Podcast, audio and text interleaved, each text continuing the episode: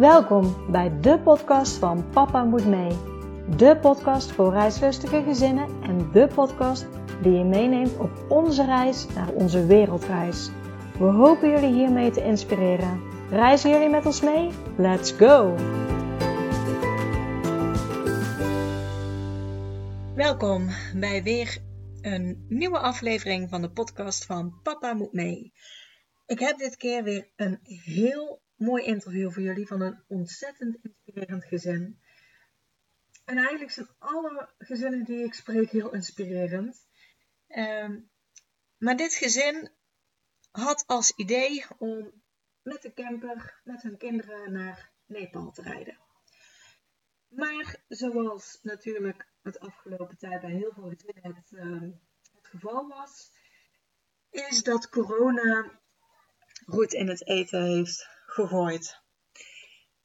Hun reis is er daardoor iets anders uit gaan zien, maar hun reis is met name ook gegroeid op reis. Zowel het vervoer, de camper, als de ideeën en wat ze nu precies wilden, hoe hun leven eruit kwam te zien. En zij zijn daarover ook heel open in gesprek gegaan met de leerplichtambtenaar. En zij troffen een leerplichtambtenaar die hun eigenlijk wel stimuleerde in hun ideeën, die het wel met hun eens was. Die inderdaad ook vond dat een kind niet alleen op school heel veel leert, maar juist erbuiten. En dit gezin gaf ook aan dat ze eigenlijk een beetje het reizen heel mooi was en de kinderen er heel veel van leerden, maar dat ze het sociale aspect een beetje weer misten. En daar zijn ze met de leerplichtambtenaar en met een nieuwe school op dit moment in gesprek gegaan hoe dat ze dit invulling kunnen geven voor hun verdere leven. Ik denk, ik ga niet al te veel verklappen. Ik zou gewoon zeggen luister, want ik denk echt dat het heel inspirerend is. Ik vond het een heel inspirerend gesprek uh, en ik hoop jullie ook. Dus ik zou zeggen, heel veel luisterplezier.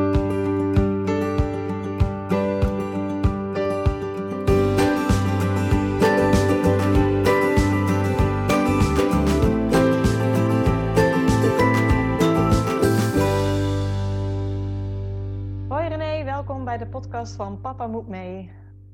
Hi, goedemiddag. Wat leuk dat ik er mag zijn. Ja, leuk dat je er bent. Ja, ik begin altijd met een eerste standaard vraag voor de luisteraars. Zou jij jezelf en je gezin eens kunnen voorstellen aan de luisteraars? Oh ja, natuurlijk. Uh, ja, ik ben René. Ik ben uh, mama van twee mooie kindjes. En uh, ik ben afgestudeerd dramatherapeut. En ondertussen een, een enorme reisliefhebber. Dat, dat ben ik. Hoe oud zijn jouw kinderen op dit moment, René? twee en zes. Yes. nou ja, zoals waarschijnlijk de meesten al weten, jullie zijn op wereldreis gegaan. Maar ik wil even terug naar helemaal naar, naar het begin. Heb, heb jij altijd al veel gereisd? Ja, we hebben, we hebben samen veel gereisd. Ehm, en dat was eigenlijk altijd met het vliegtuig. We zijn in Azië geweest en in Zuid-Amerika geweest en, uh, en in Scandinavië. Dat mag niet ontbreken natuurlijk, prachtig. Uh, en altijd met het vliegtuig. Daar, uh, zijn we altijd mee begonnen. En op een gegeven moment zeiden we tijdens het reizen van... Het zou zo mooi zijn als je um, met een auto of met een, met een bus kan gaan reizen... zodat je al reizend de cultuur en de natuur kan zien veranderen. In plaats van dat je er met het vliegtuig naartoe gaat en dat dan ineens je daar in een heel andere wereld bent. Maar dat je langzaam alles om je heen ziet gebeuren. En uh, ja, zo is het begonnen. Het idee begonnen om het anders te gaan doen en een uh, langzamere wereldreis te gaan maken in plaats van met het vliegtuig heel snel. Ja, dus toen werd eigenlijk zeg maar al het plantje een beetje gezaaid van hé, uh, hey, we willen wel meer. Nou ja, op, op een gegeven moment kwamen er kinderen. Veranderde dat nog in, in ehm, jullie met betrekking tot het reizen? Nee, nee, het werd het alleen maar groter van. We, uh, toen we terugkwamen van een reis van zeven maanden uit Azië, toen, toen is dit plan echt steeds concreter geworden. Of nou ja, concreet is, het, is de droom steeds groter geworden van dat we dus um, met een omgebouwde auto dan de wereld in wilden gaan rijden. En dan ook geen boten nemen, maar zoveel mogelijk rijden, rijden, rijden. Kijken hoe ver we kunnen komen richting Nepal. Uh, en het eerste plan was om dat te doen voordat uh, onze kinderen vier zouden zijn. Want dan zouden we ons weer willen settelen voordat hij vier is. En dan moest het daarvoor zijn. Uh, maar toen kwam Morris eerder dan we hadden bedacht in ons hele reisidee. En op een gegeven moment hadden we het samen over, tijdens het uiteten, waar we dan Morris naar school zouden gaan doen. En of we daarvoor zouden willen gaan verhuizen. En toen zei ik, oh maar wacht, nu, nu gaat er iets fout, want we zouden gaan reizen voordat we ons zouden gaan settelen en voordat de kleine naar school zou gaan. Dus er moet iets gebeuren nu. En toen hebben we heel snel ons huis verbouwd en hebben het huis verkocht en zijn we op reis gegaan. Um, en er zit zelfs nog een stap tussen, want Morris was ondertussen al drieënhalf toen we dat zeiden. Dat we zeiden van we moeten het huis afmaken, we moeten het verkopen, we moeten, we moeten plannen gaan maken. Toen was Morris al drieënhalf en hadden we een hele grote wens voor onze tweede. En toen hebben we gezegd, als het ons lukt om weer zwanger te raken, dan start de reis. Dus op het moment dat wij de zwangerschapstest deden, toen kwam onze droombus op Marktplaats. En was dat de start van de reis. Dus um, voordat oh, iedereen wist dat we zwanger waren, hebben we de bezichtiging gehad van de camper. En um, toen hebben we het huis te koop gezet toen Teersa um, drie maanden oud was, denk ik. Uh, en zijn we vertrokken toen Teersa negen maanden oud was. Dus uh, kinderen hebben het niet geremd. Het is juist het plan geweest. Als we met z'n vieren zijn, dan gaan we. ja, ja juist, juist heel mooi. Want ik hoor ook heel veel gezinnen die juist zeggen van op het moment dat er kinderen kwamen, beland je toch in een bepaalde sleur, zonder daar een negatieve lading aan te geven. Maar het leven neemt je op dat moment eigenlijk over, waardoor je opeens bedacht van, oh wacht eens, maar we hadden nog zoveel dromen. En ja, bij jullie is het eigenlijk een beetje andersom gegaan van, hé, hey, de kinderen komen, nu moeten we aan de slag met onze dromen. Ja, alsof de droom nog groter werd, ja. Ja. Um, ja toen zijn jullie vertrokken dan al? Met, dat is ook met, met jullie huidige camperbus dan? Nee, we zijn vertrokken met een. Uh, nee, we zijn vertrokken met een klein uh, vierwheel drive busje, een Mitsubishi L300. Die hebben we omgebouwd tot een klein huisje op wielen. Uh, omdat we heel graag ja, naar het Verre Oosten wilden gaan rijden. Dus we dachten, dan willen we een 4x4 busje en dan kunnen we gaan. Dan kunnen we Mongolië door en dan gaan we zien waar we stranden. Of waar we vast komen te zitten. Maar nou ja, dat was het avontuur. Dat was het eerste plan. Oké, en ja, op dat moment, de kinderen waren nog niet leerplichtig. Uh, had je ze wel ingeschreven al op een school of ook niet? Want soms moet dat ook al best wel vroeg. Um, nou, het was zo dat Morris ging naar de uh, kinderopvang. En uh, Morris wilde heel graag naar school. En toen hebben wij getwijfeld, zullen we Morris wel gaan inschrijven Um, of doen we dat niet? Want dan is het uh, vrijstelling aanvragen voor de leerplicht is dan makkelijker als je niet bent ingeschreven. Maar Morris zijn wens voor school was zo groot dat we dat toch hebben gedaan. We hebben hem toch ingeschreven. Um, dus Morris is een half jaar naar school gegaan, van zijn vierde tot zijn vier en half voordat we vertrokken. Dus hij was vier en half toen wij weggingen. Um, en toen was ons plan, of wat we hebben gedaan, is dat we naar Marokko zijn gereden. Daar zijn we begonnen. En toen hadden we het idee om zijn vijfde verjaardag in april in Nederland te vieren. Dus dan hadden we eh, zeg maar drie, drieënhalve maand hebben we dan gereisd. En dan zouden we in april terugkomen, zijn verjaardag vieren, ons uitschrijven en dan weer verder vertrekken. Dat was het plan. Uh, en dan uitschrijven omdat we dus voor onbepaalde tijd op reis wilden gaan. En uitschrijven zodat we niks te maken hadden met de leerplicht. Maar toen wij net uit Marokko terugkwamen, toen kwam corona om de hoek kijken. En toen zijn wij vanuit Portugal uh, teruggereden naar Nederland. En toen hebben we drie maanden in de Joert gewoond. En in die drie maanden tijd hebben we onze huidige bus omgebouwd, een oude Mercedes. Um, en omdat we toch drie maanden in Nederland waren, ben ik de leerplichtambtenaar gaan schrijven. Ik dacht, kan het altijd proberen. uitschrijven was natuurlijk al het plan, maar ik kan het proberen. En we kregen uh, binnen twee weken kregen we bericht terug dat het geaccepteerd was. We hadden vrijstelling gekregen van de, voor de leerplicht. Dus dat betekende dat we onze uh, zoon zijn verjaardag hebben gevierd in Nederland, uh, vrijstelling hebben gekregen en in juni weer zijn vertrokken om via Scandinavië naar Griekenland te rijden. En dan te kijken hoe ver we konden gaan en ehm, of we nog via Turkije dan verder zouden gaan. Maar dat wilden we af laten wachten van, de, nou van alle regels en alle beperkingen die, die er waren natuurlijk door de pandemie. Maar we zijn wel kunnen blijven reizen. En doordat die vrijstelling alleen per schooljaar gegeven kan worden, heb ik in diezelfde maand nog een brief geschreven naar de leerplichtambtenaar. Ehm, met de vraag of we nog voor een tweede schooljaar een vrijstelling konden aanvragen. En dat mocht. Dus we hadden vrijstelling tot uh, september 2021. Dus we hebben eigenlijk nog steeds vrijstelling van de leerplicht. Oh, wat goed. Ja, je geeft even heel veel informatie, dus ik ga op een paar dingen even weer, weer uh, op, op inhaken. uh, want je zei, nou ja, het eerste plan kwam toen, toen was Morris volgens mij 3,5 jaar. Toen zeiden jullie van, nou, we willen een tweede kindje. En op het moment dat jullie echo deden, hadden jullie daar ook je eerste uh, camperbusje. Camper, ja. Um, ja, op dat moment zei je, nou, we hebben Morris ingeschreven bij school. Maar dan zijn ze nog niet leerplichtig als ze vier worden. Uh, heb je daar dan wel vrijstelling voor moeten aanvragen? Of als de school weet dat jullie dan reizen, is het dan goed? Uh, we hebben ons bij de school uitgeschreven op het moment dat we vertrokken uit Nederland. Um, ja, niet rekening mee houdend wat de leerplichtambtenaar ervan zou denken dat Morris wel eerst een half jaar is ingeschreven, omdat we toch het plan hadden om ons uit te schrijven uit Nederland, dus uit het hele systeem. Dus toen wij in 2000, december 2019 vertrokken richting Marokko, hebben we alleen maar gedacht om Morris uit um, nou ja, zijn huidige school uit te schrijven. Um, en de leerplichtambtenaar heeft het niet meegenomen dat hij een half jaar op school heeft gezeten tijdens zijn periode waarvan hij nog niet leerplichtig was, omdat dat nog voor zijn vijfde was natuurlijk.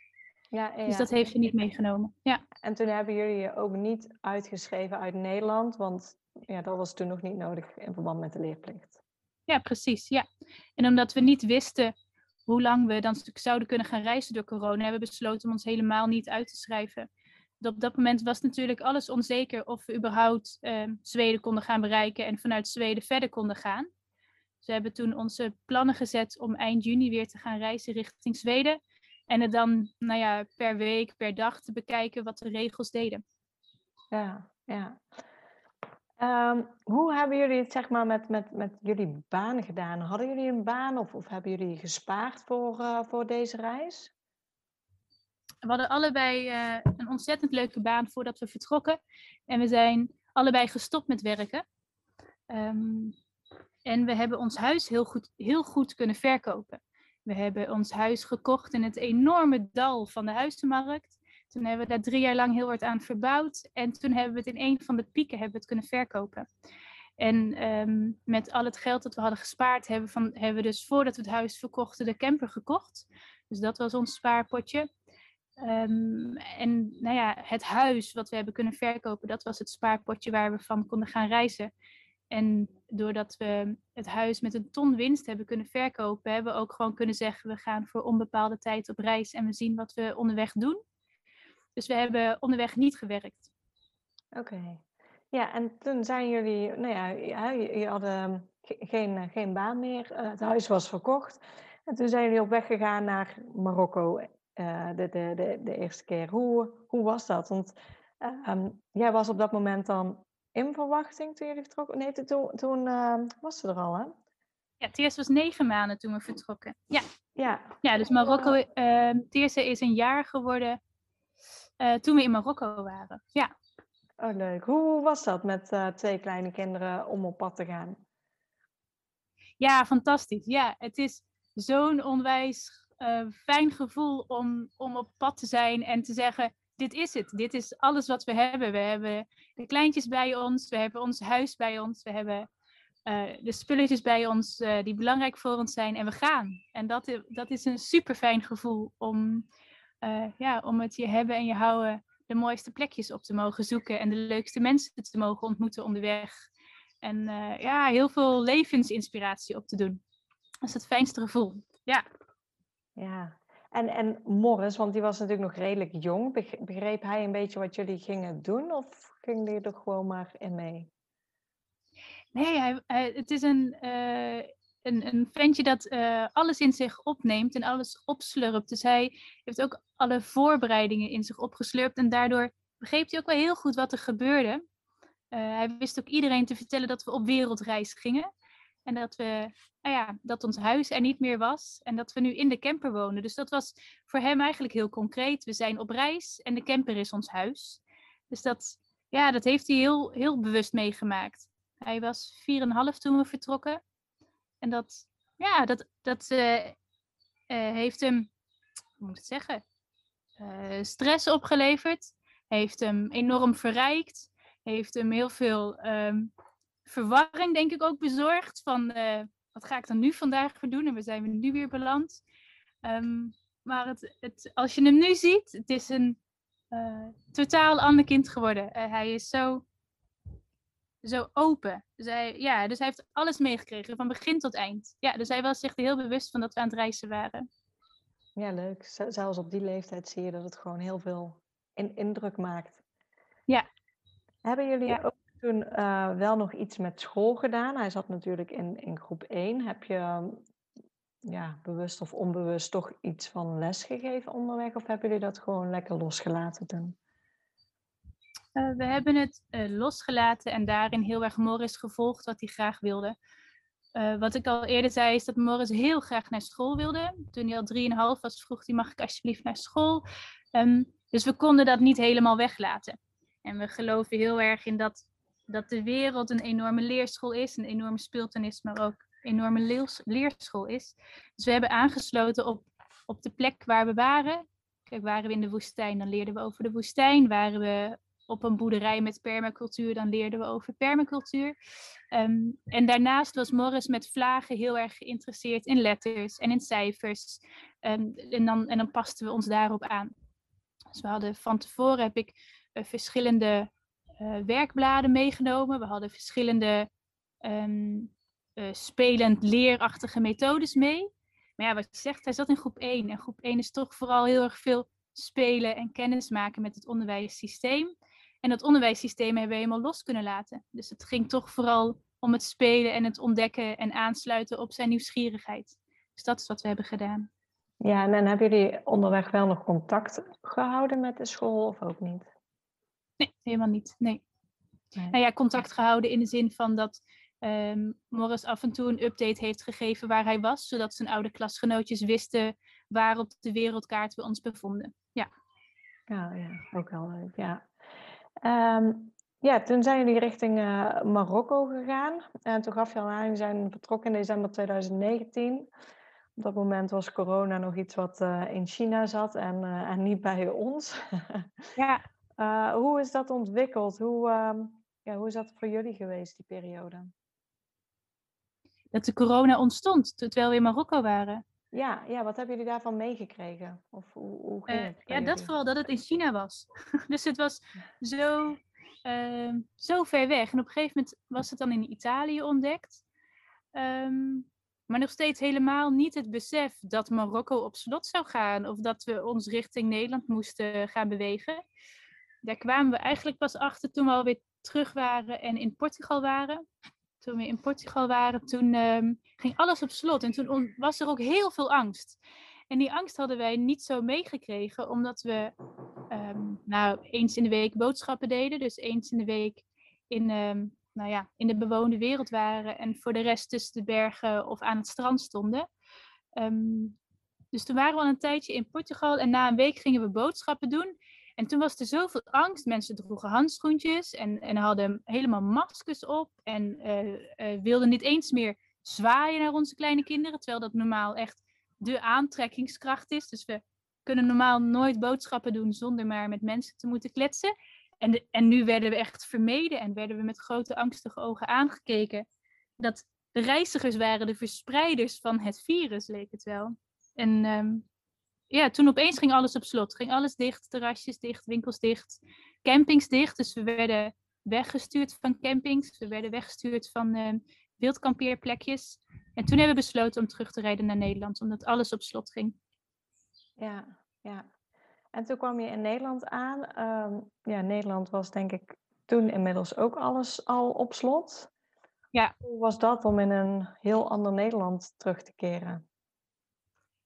Ja, we beseften het ons helemaal niet zo. Dat duurde eventjes, omdat we in de, in de joert mochten van uh, mijn zwager, van Sigrid's broer. Die woont prachtig midden in het bos. En die heeft daar een heerlijke joert staan. Dus we, we zaten helemaal in onze eigen bubbel met, met ja, hele lieve familie in de buurt. Dus we hadden daar onze ja, eigen, eigen leventje.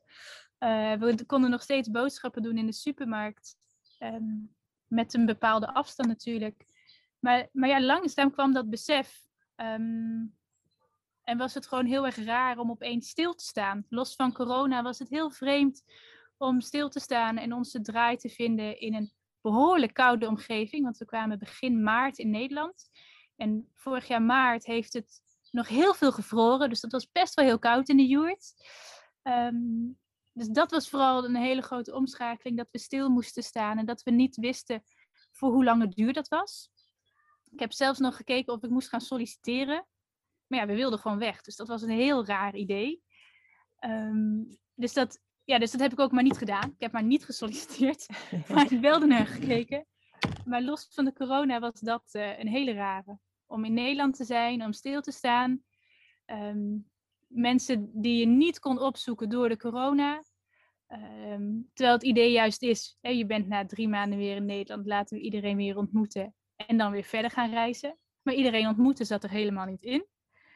Maar gelukkig stonden we bij, bij hele lieve familie in de buurt en waren de vrienden in de buurt. Dus zo hebben we het wel heel fijn gehad.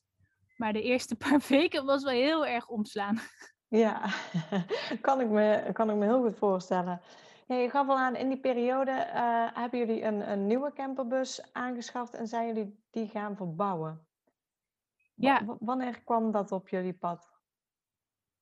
Oeh, uh, nou tijdens het reizen, eigenlijk in week 1 al, toen we in december 2019 vertrokken met onze kleine L300, waar we zoveel liefde en energie in hadden gestopt, kwamen we in week 1 er al achter dat we allemaal schimmel kregen in de bus. Um, want als het in Nederland koud is in december, is dat ook in Frankrijk nog koud en is dat ook in Spanje nog koud.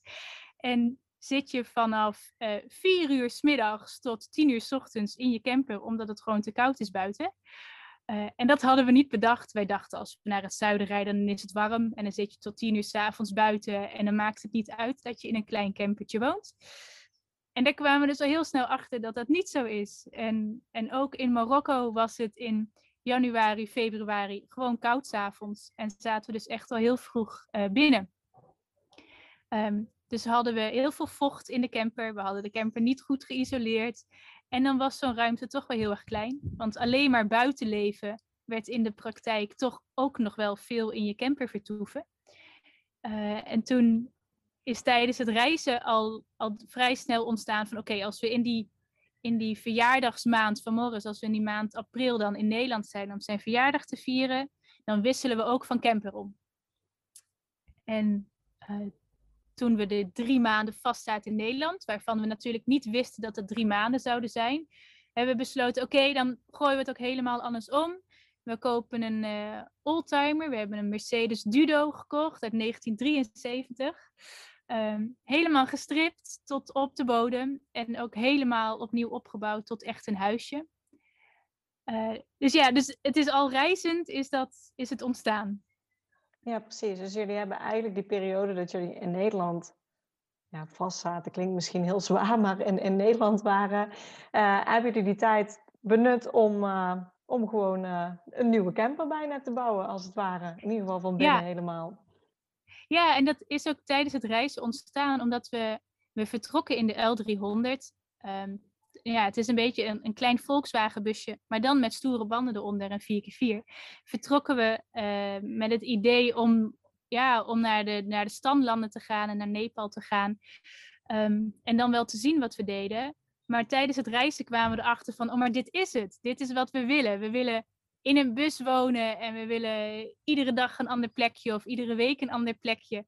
Um, dus in plaats van echt een busje om veel kilometers te maken en de bergen in te trekken, wilden we graag een bus wat ook echt ons huis kon gaan zijn. Um, dus zo hebben we besloten om een wat grotere bus te kopen. Dus we gingen van 5 meter naar 6 meter. En in plaats van dat die 1,40 meter breed was, is die nou 2 meter breed. Um, dus we hebben nu echt, echt een huisje op wielen kunnen maken, waardoor het niet uitmaakt of je um, in Nederland woont, of dat je in Zweden bent, of dat je wel iedere dag kilometers maakt. Dat je gewoon echt je huis op wielen bij je hebt. Dus dat, ja, um, ja, ja de reis op zich groeide gewoon steeds. En dat was een heel tof gevoel. Dus zo groeide ook de bus naar een uh, grotere bus. Ja, ja, mooi. Het groeide allemaal mee met, met jullie reis eigenlijk als het ware. Ja. Ja, in die periode dat jullie in Nederland waren, toen werd Morris dus vijf jaar. Uh, toen werd hij dus officieel leerplichtig. En jij zei van, nou, ik ga gewoon proberen, ik ga bij de leerplichtambtenaar vrijstelling aanvragen. Ja. Hoe, hoe heb je dat aangepakt? Um, de, er is in Nederland een vereniging voor thuisonderwijs. En deze vereniging geeft best wel veel informatie op hun website. En ik heb um, me daar veel over ingelezen wat er nodig is om thuisonderwijs te kunnen geven. En zij werken ook met formats om de leerplichtambtenaar aan te schrijven. En via dit format heb ik uh, nou ja, de brief geschreven naar de leerplichtambtenaar.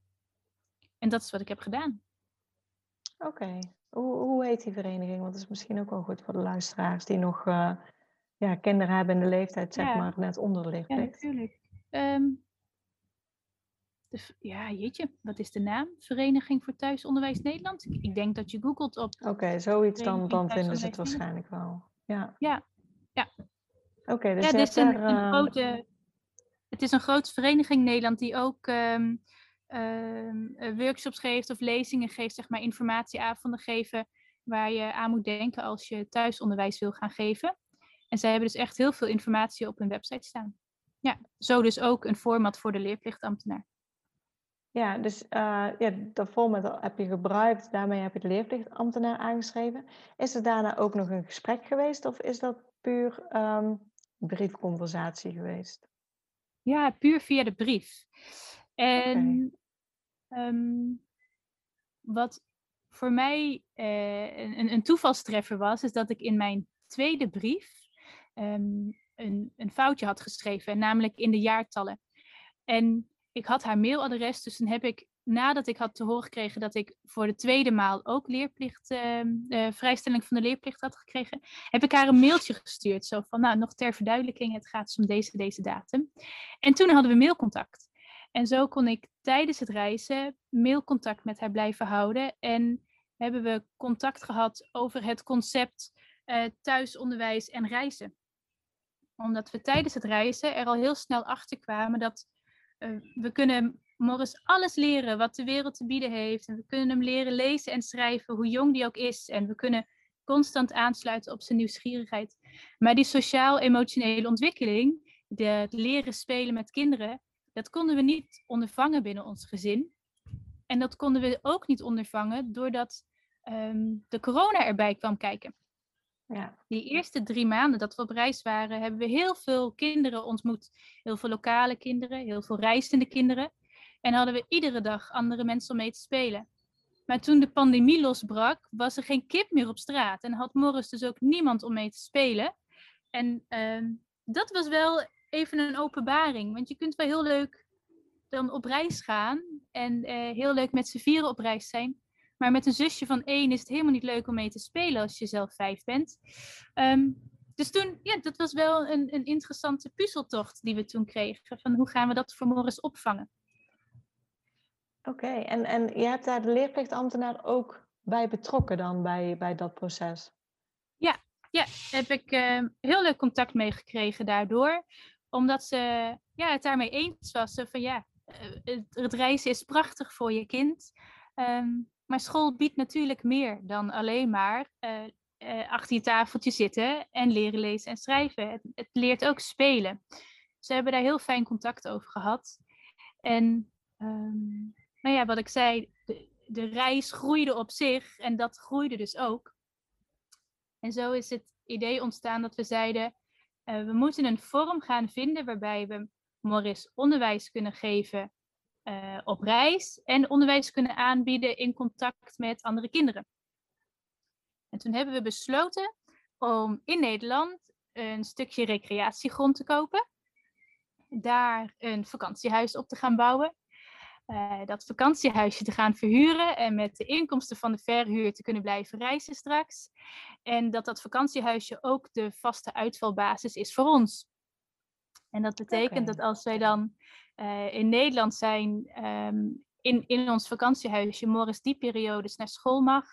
En als we op reis zijn, dat hij nou ja, onderwijs op afstand krijgt. En met dat idee zijn we gaan stoeien. Zijn we gaan puzzelen met de, met de leerplichtambtenaar. En daar um, uh, was zij enthousiast over. En eh, hebben we van haar een, ja, een soort van akkoord gekregen om een school te gaan zoeken die daarin mee wil gaan werken. En dat is gelukt. Oh, mooi. Gaaf. Ja. ja. Ja, we hebben nu een, uh, een school gevonden die uh, enorm aansluit bij waar we in geloven qua onderwijs en qua, qua levensovertuiging. Um, de directeur zei heel mooi: je hoeft niet naar school te gaan om te leren, want buiten leer je alles. Maar je gaat naar school om met klasgenoten te zijn en met leeftijdsgenoten te zijn. En dat is precies waar we naar op zoek waren. Ja. Uh, zij werken niet met methodes. Zij werken gewoon puur naar wat het kind wil. Ze sluiten aan bij de interesses van het kind. Um, en doordat ze niet met methodes werken, kan er dus ook eigenlijk geen, geen onderwijsachterstand ontstaan. Want je sluit constant aan bij wat het kind graag wil leren. Uh, en daardoor geeft dat ons de vrijheid om te zeggen: oké, okay, we gaan op reis. We sluiten weer aan bij wat Morris graag wil leren. We houden bij wat hij leert. Dat leggen we vast door verslagen, door foto's, door filmpjes. We houden contact met zijn docenten, zodat zij dat kunnen vastleggen. En als we op reis zijn, houden we uh, contact met, ze, met zijn klasgenoten door, door FaceTime of door videobellen, noem het maar. Uh, en als we dan terug zijn in Nederland, dan kan hij aansluiten bij zijn klasgenoten weer. En aansluiten bij de projecten die er op school zijn. Dus zo hopen we, als het vakantiehuisje straks af is over een jaar of over anderhalf jaar, uh, weer op pad te kunnen gaan. En dan steeds een paar maanden op reis en een paar maanden in Nederland. En dat te kunnen afwisselen. Ja, ontzettend mooi. Ja, heel gaaf.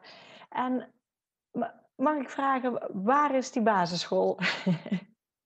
Ja, daar heb ik over nagedacht. En ik had ook natuurlijk verwacht dat je die vraag zou stellen. Um, maar dat vind ik een lastige.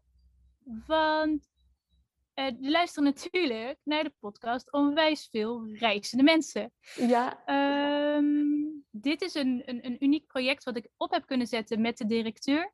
Ik vind het lastig om dan naam en toenaam okay, te gaan ja. zeggen. Los van dat ik het natuurlijk iedereen zou gunnen om het te doen. Um, weet ik niet wat er dan gebeurt. Nee, snap ik. Ja, dus het is echt nog iets wat in de kinderschoenen staat, uh, wat, ja, jullie precies. aan het uitvogelen zijn. Precies. Nou ja, ja. mochten mensen er echt super interesse hebben, nou, dan kunnen ze misschien jou altijd gewoon een berichtje lossturen. Ja, mocht het, Neem uh, absoluut contact op. Ja, en dan wie weet kunnen we samen verder puzzelen. En uh, wat ik van de leerplichtambtenaar heb begrepen, is dat er, er, heel, er veel staat te gebeuren. Zij zegt ook, het is zo'n oude wet. En die wet past eigenlijk helemaal niet meer bij, bij hoe het nu gaat. Helemaal en, waar. Ja, en dat is natuurlijk de zoektocht die jij ook doet met je podcast. Ja. En die andere reizende mensen ook doen. Of wat het thuisonderwijs uh, ja, aan het uitzoeken is. Um, er is. Er zijn steeds meer gezinnen die het anders doen. En wij zijn zeker niet de enige die onderwijs op afstand aanbieden. Maar er zijn een aantal scholen die daarin willen profileren. Het is alleen een zoektocht om die school te vinden die daarin wil profileren. Um, en de leerplichtambtenaar gaf ook aan dat het, dat het passend is wat, wat jij en ik willen. En dat dat uh, ja, zeker iets is wat je niet uit de weg moet gaan, maar wat je, wat je aan moet gaan om uit te zoeken en aan te kaarten en uit te gaan proberen. Niet vast te blijven houden aan het systeem, omdat de wet dat zo van je verwacht, maar juist met elkaar in gesprek te gaan om te kijken past de wet nog wel en klopt het nog wel? En laten we met elkaar eens kijken hoe we, ja, hoe we het mooier kunnen maken, hoe we het open kunnen breken. Ja, ik vind het echt een ontzettend mooi initiatief.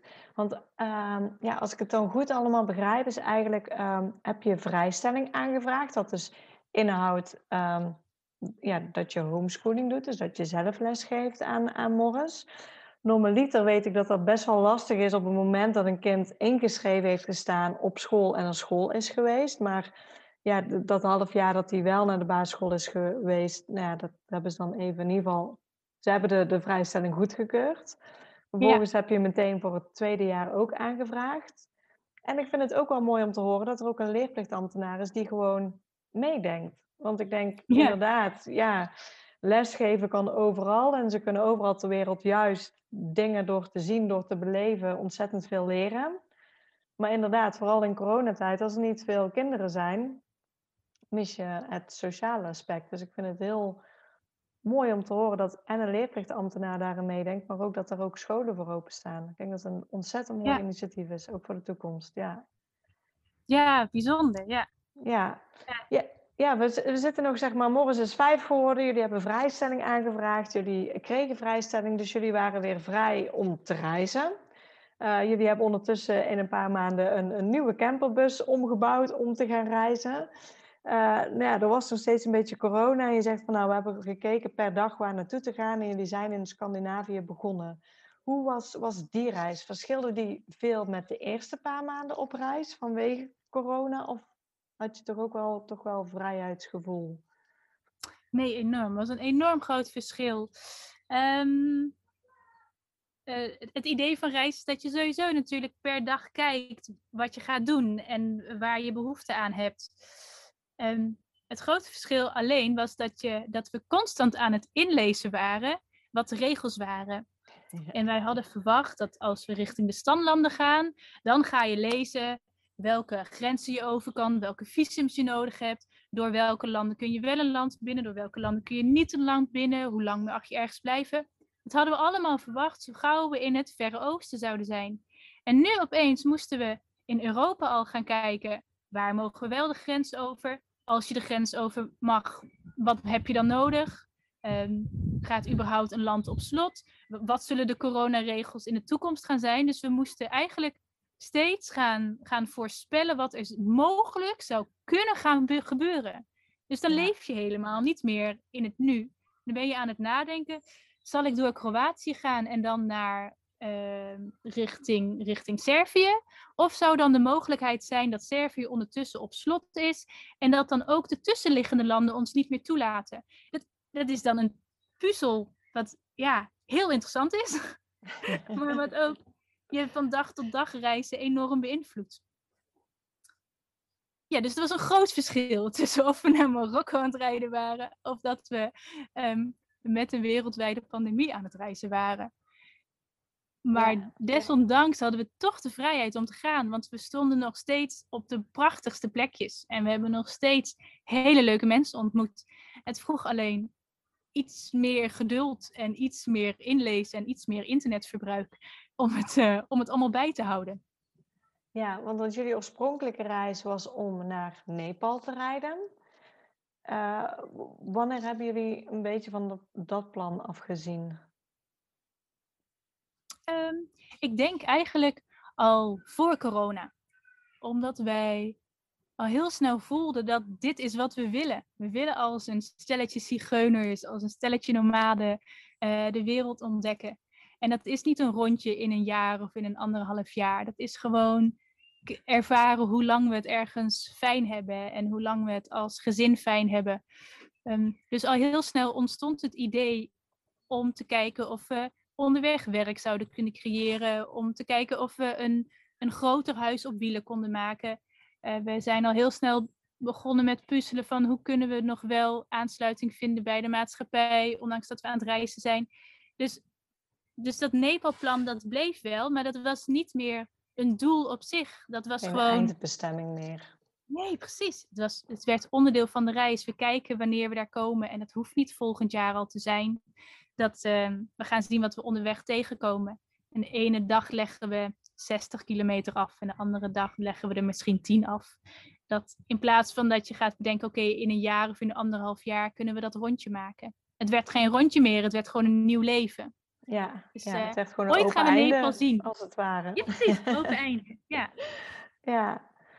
Hoe eh, zit het eh, budgettechnisch? Want jullie zijn gaan rondreizen. Ik weet niet of jullie een budget per dag bijhouden. Eh, maar ja, maak je veel op onderweg of valt het mee? Ja, wij vonden het tegenvallen. We hebben het, ehm, we hebben het niet bijgehouden. Eh, er zijn ook reizigers die echt ook op Instagram echt bijhouden van dit geven we uit. En dat is super inzichtgevend. Maar doordat wij zo'n groot potje hadden van ons huis dat we verkocht hadden, zijn we gewoon gaan reizen. Ehm, maar op een gegeven moment zijn we eens achteraf gaan kijken, oké, wat geef je dan per maand uit? En dat vonden we best wel een tegenvaller. Want je hebt nog steeds ehm, je verzekering, je hebt nog steeds je, je ANWB, je hebt nog steeds je telefoonabonnement. Natuurlijk zijn het allemaal redelijk kleine bedragen. Maar bij elkaar stelt het gewoon op. Ehm, boodschappen doen in Nederland schijnt echt super goedkoop te zijn, blijkt nu achteraf. Als je het vergelijkt met groente en fruit in waar dan ook. Uh, dus daar hebben we ons best wel op verkeken. Dat boodschappen doen in andere landen um, relatief soms best wel prijzig kan zijn. In vergelijking met Nederland. Um, een accu die het begeeft. Uh, de, weet ik veel wat voor pech we allemaal hebben gehad. De versnellingsblok en de, nou ja, koppelingsschijf. We hebben echt best wel wat gehad. Um, dat telt ook allemaal mee. De boot die we hebben gehad. Um, dus achteraf zijn we een keertje gaan kijken en dan zaten we toch per maand op 1200 euro. Oké, okay, ja. Ja, is en dan behoorlijk als je inderdaad denkt van. Ja, ja. ja. En dan ging er veel geld uit naar boodschappen doen. Um, want leeschips is in Nederland dan toch best wel goedkoop. Als je leeschips in Griekenland koopt. Um, uh, ja, en de grap is dat het uit eten er dan weer niet bij zit. Want alles zat dicht. Dus we hebben ja. vrij weinig zijn we bezig uit eten. Um, ja, het kan anders natuurlijk. Hè. Het, we hadden nu uh, de enorme vrijheid en, en uh, geluk dat we zoveel geld op de bank hadden staan. Dat was voor ons, die gewoon allebei uh, werk hadden en een huis en een hypotheek, echt een enorme verandering. Dat je zegt, ik heb alle vrijheid en ik heb heel veel geld op de rekening staan en ik hoef tussendoor niet te werken. Het is een hele andere manier van leven dan dat je zegt, dit is het budget dat ik heb en daar ga ik mee reizen. Um, dus ik geloof dat het veel goedkoper kan. Uh, we hadden ook veel minder boodschappen kunnen doen. En we hadden ook veel minder uh, chipjes kunnen eten. Maar uh, ja, we hadden ook minder pech kunnen hebben misschien. Maar dat, ja, dat, het, het, kan, het kan goedkoper. Um, We besloten bijvoorbeeld om uh, af en toe op een camping te staan, zodat we daar een goede douche hadden en een goede wasmachine hadden. En soms deden we dat eens in de twee weken, maar we hebben dat ook wel eens twee keer in een week gedaan. Um, omdat het heel slecht weer was of omdat we alles nat hadden, dat we dan toch wel heel graag lekker een douche wilden hebben. Dus dat, ja, dat verschilde ook per week wat, wat we deden. Maar over het algemeen waar, hadden we eens in de week, eens in de twee weken een camping. Met uh, douches en een wasmachine. En dan deden we de rest van de week weer uh, de afwas in de rivier, zeg maar. Maar ook dat kan anders natuurlijk. Dus dat budget is zoiets ja, persoonlijks. En ja. kun je ook iedere maand weer anders aanpakken. Ja, zeker. Daar heb ik niet een concreet antwoord op. Nee, maar ik denk dat dit al heel veel inzichten geeft voor, uh, voor mensen. Um, ja, jullie tweede reis, jullie begonnen in Scandinavië. Hoe zag die er verder uit? Um, anders dan gedacht. We hadden bedacht om Scandinavië helemaal door te steken naar boven. En dan uh, via de Noordkaap richting Finland te gaan. Maar doordat we eind juni begonnen aan de reis richting uh, Zweden, we eerst uh, twee weken in de buurt van mijn schoonouders in Zweden hebben gezeten, werd het al heel snel koud. En um, hebben we besloten om niet meer naar het noorden te gaan reizen, omdat je dan heel koud uit zou komen. Achteraf gezien is onze camper zo goed geïsoleerd dat we prima naar het noorden hadden kunnen reizen. Maar op dat moment dachten we, we moeten alleen maar de warme landen aanhouden. Dus we zijn toen um, tot halverwege Zweden gegaan en toen richting Noorwegen. Langs, uh, langs bergen weer naar het zuiden. En toen via Denemarken, Duitsland, Tsjechië afgezakt naar Griekenland. Oké, okay, en in Griekenland hebben jullie, daar, daar hebben jullie een tijdje verbleven. Want toen kwam de tweede lockdown, toch, dacht ik? Ja, ja klopt. Um, wij hadden besloten om met de tweede lockdown in Griekenland te zijn. Iets in ons zei van, kom op, we moeten in Griekenland zijn als er een tweede lockdown komt. Met de gedachte, Griekenland moet zo'n mooi en relaxed land zijn, zo gastvrij voor camperaars. Daar kunnen we mooi vertoeven. Um, toen spraken we ondertussen steeds meer mensen, vooral online, die ook allemaal richting Griekenland aan het gaan waren. Daar hadden we meer het gevoel van met die lockdown, die moeten we in Griekenland zijn. En toen we in Tsjechië waren, Kroatië waren, toen, toen merkten we dat er steeds meer landen al op slot gingen. Of dat de regels al steeds strenger werden. En toen wilden we graag vanuit Kroatië door de Balkanlanden verder afzakken. Maar toen kregen we de grensovergang naar Herzegovina. Nee, dat zeg ik niet goed. Ik zit nou raar. Nou ben ik gewoon de landkaart kwijt. Maar toen kwamen we bij de grensovergang En toen eh, hadden we een test nodig. Terwijl er op het internet had gestaan, zoveel ingelezen. En er stond op het internet, voor een transit van 12 uur mag je het land doorsteken. Dus wij hadden een grensovergang uitgezocht, waarin we in vier uur tijd, dus dat betekent met onze bus 12 uur tijd, uh, het land door zouden kunnen gaan. En toen kwamen we bij de grensovergang, toen mochten we er helemaal niet naar binnen zonder test. En toen was de dichtstbijzijnde test, was weer twee uur naar het noorden van Kroatië rijden. Wat voor onze bus vier uur betekent. Um, dus toen hebben we ineens vanuit niets de knoop doorgehakt en gezegd: we gaan het ook niet doen. We gaan ook niet de Balkanlanden doen met de gok dat onderweg de landen alsnog op slot gaan en we Griekenland niet bereiken. We gaan uh, met de veerboot naar Italië, we steken Italië door en we nemen in het zuiden de veerboot naar Griekenland. Dus dat hebben we in uh, twee seconden bedacht. En toen hebben we op internet gekeken en toen konden we s'avonds nog de boot hebben. Dus toen zijn we heel hard gaan rijden met onze bus, dat is uh, 70 km per uur, naar de haven en hebben we de boot genomen naar Italië. Ja, dus dat, um, dat was onze tocht naar Griekenland. Ja, en, en uiteindelijk dan op tijd in Griekenland aangekomen ook weer. Drie dagen voor de lockdown. Nou, kijk. ja. En hoe was Ja, het om, was- eh, om in lockdown in, in Griekenland te zitten? Ja, prima. Ja, we hadden een gelukje, want we, eh, we kwamen aan. Ehm, ik ben alle plaatsnamen al vergeten. Dit is toch wat? Ik ben nog maar drie maanden terug in Nederland. Ik ben nu al de plaatsnaam vergeten. Eh, we kwamen aan in Griekenland en toen ehm, zijn we naar een tuin gereden van een restaurant. Want op eh, de app Park Vanuit stond dat je daar gratis mocht staan in die tuin. En daar hadden ze water en daar hadden ze een douche. Dus wij dachten, mooi, dan gaan we daar naartoe. Kunnen we de tank weer vullen.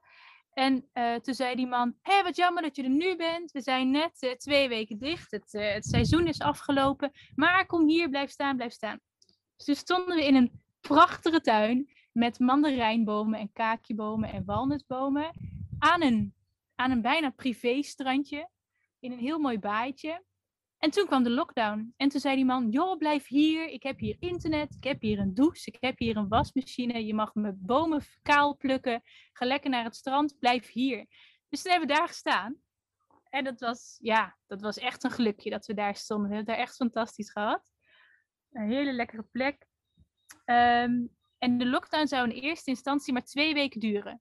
Ze hadden gezegd dat hij, of drie weken. Ehm, eh, maar toen werd hij verlengd.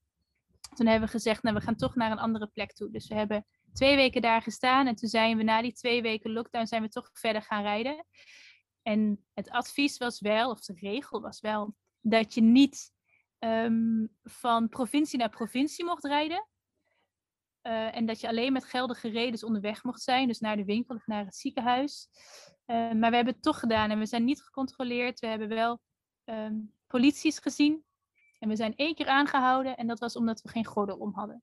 Maar we zijn niet aangehouden vanwege de corona. Nee. Dus we hebben toch nog best wel veel ehm, van Griekenland gezien. En wat de lockdown voor ons vooral betekende, was dat we heel langzaam hebben gereisd. Omdat we ja, daar in Griekenland waren en we niet eh, te veel risico wilden opzoeken met steeds van provincie naar provincie te gaan. Want het mocht gewoon niet. Dus we wilden ook niet de reiziger zijn die scheid had aan, aan alle regels. Dus het was een constante balans tussen respect hebben voor de pandemie en de vrijheid blijven opzoeken waar we toch zoveel mogelijk konden blijven ontdekken. En dat betekende dat we hele kleine afstanden hebben afgelegd om wel verschillende plekjes te zien, maar zoveel mogelijk binnen de provincies te blijven. Ehm, dus er kwam opeens een heel erge rust op de reis. Van steeds maar Griekenland, Griekenland, Griekenland voordat de lockdown komt, naar drie maanden lang in een prachtig land met de meest relaxte mensen ooit te reizen. En ja, helemaal niet zoveel kilometers af te leggen. Dus het was echt een walhalla. Ja, en jij, je bent nu met drie maanden in, in Nederland. Eh, hoe zag de reis er verder uit? Dus jij hebt dus een hele tijd in Griekenland gezeten. Wa- Waar kwam toen weer de beslissing vandaan om, eh, om weer terug te gaan? Ehm, ja, om het stukje grond te kopen. We hebben gezegd, we gaan in februari terug en dan kunnen we in het voorjaar gaan beginnen aan de bouw. Met het idee, dan is het droog in Nederland, dan begint het warme weer weer in Nederland. Ehm, en dan kunnen we gaan bouwen. Dan kan Morris lekker naar school. Dan ga ik weer aan het werk. En, ehm, dus zo hebben we de knoop doorgehakt. In februari beginnen we aan onze terugreis. En, en mijn schoonouders waren in Nederland in februari vanuit Zweden. Dus als we net iets later zouden gaan, zouden we hun net mislopen. Dus het kwam allemaal samen. We gaan in februari weer terug. Dan zien we onze lieve familie en dan eh, gaan we beginnen aan de bouw. En jullie hadden die grond, die hebben jullie onderweg gekocht, uh, zeg maar, toen jullie onderweg waren, hebben jullie die gevonden? Of? Um, ja, we hebben onderweg hebben we een akkoord gemaakt, zeg maar. En in Nederland zijn we dat officieel gaan doen. Okay. En het stukje grond dat we hebben gekocht is in een gebied wat we al kenden. En uh, we kennen de eigenaren van uh, deze percelen die hier liggen. Dus zo konden we al binnen onze eigen contacten al con ja, uh, contact te leggen om een stukje grond te kopen. Dus dat hebben we al reizend kunnen doen. Ja. Oké, mooi. Ja. En dat dus betekent kan, uh... ook dat we al reizend heel veel hebben getekend en het huis hebben ontworpen. En dat uh, ja, was ook alweer een andere dimensie aan de reis. Ja, ja dus toen zijn jullie teruggegaan naar, naar Nederland. Um, ja, onder, onderweg, uh, zoals je net al aangaf, veel, veel contact met de leerplichtambtenaar. Morgens die kon naar school voor het sociale aspect.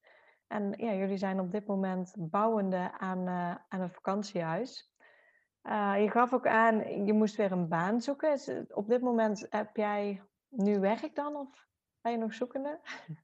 Nee, nee, nee. Ik had uh, eigenlijk wel heel veel zin om weer iets, te, weer iets te gaan doen. Om weer aansluiting te vinden bij de maatschappij. Dus ik ben al reizend al wat om me heen gaan kijken. En um, toen we bijna weer in Nederland waren, in Noord-Frankrijk, kwam een hele leuke vacature bij de Kas van Kaat in Zwolle. En daar heb ik op gereageerd. En daar mocht ik op gesprek komen. En daar werk ik nu. Nou, leuk. Een hele leuke baan. Ja, ja. En is het dan een plan uh, ja, dat je zeg maar gewoon werkt tot het moment dat je zegt van oké, okay, het huis is af. Uh, nu gaan we, gaan we weer reizen. Uh, of wil je ook zeg maar iets, ik hoorde je ook zeggen van nou, misschien moeten we kijken dat we ook geld kunnen verdienen onderweg. Zijn jullie daar wellicht ook mee bezig om zoiets nog op te zetten? Uh, financieel gezien hopen we dat we het vakantiehuisje goed kunnen verhuren en dat we met de inkomsten van de verhuur kunnen reizen. Um, dus dat we onderweg niet hoeven te werken.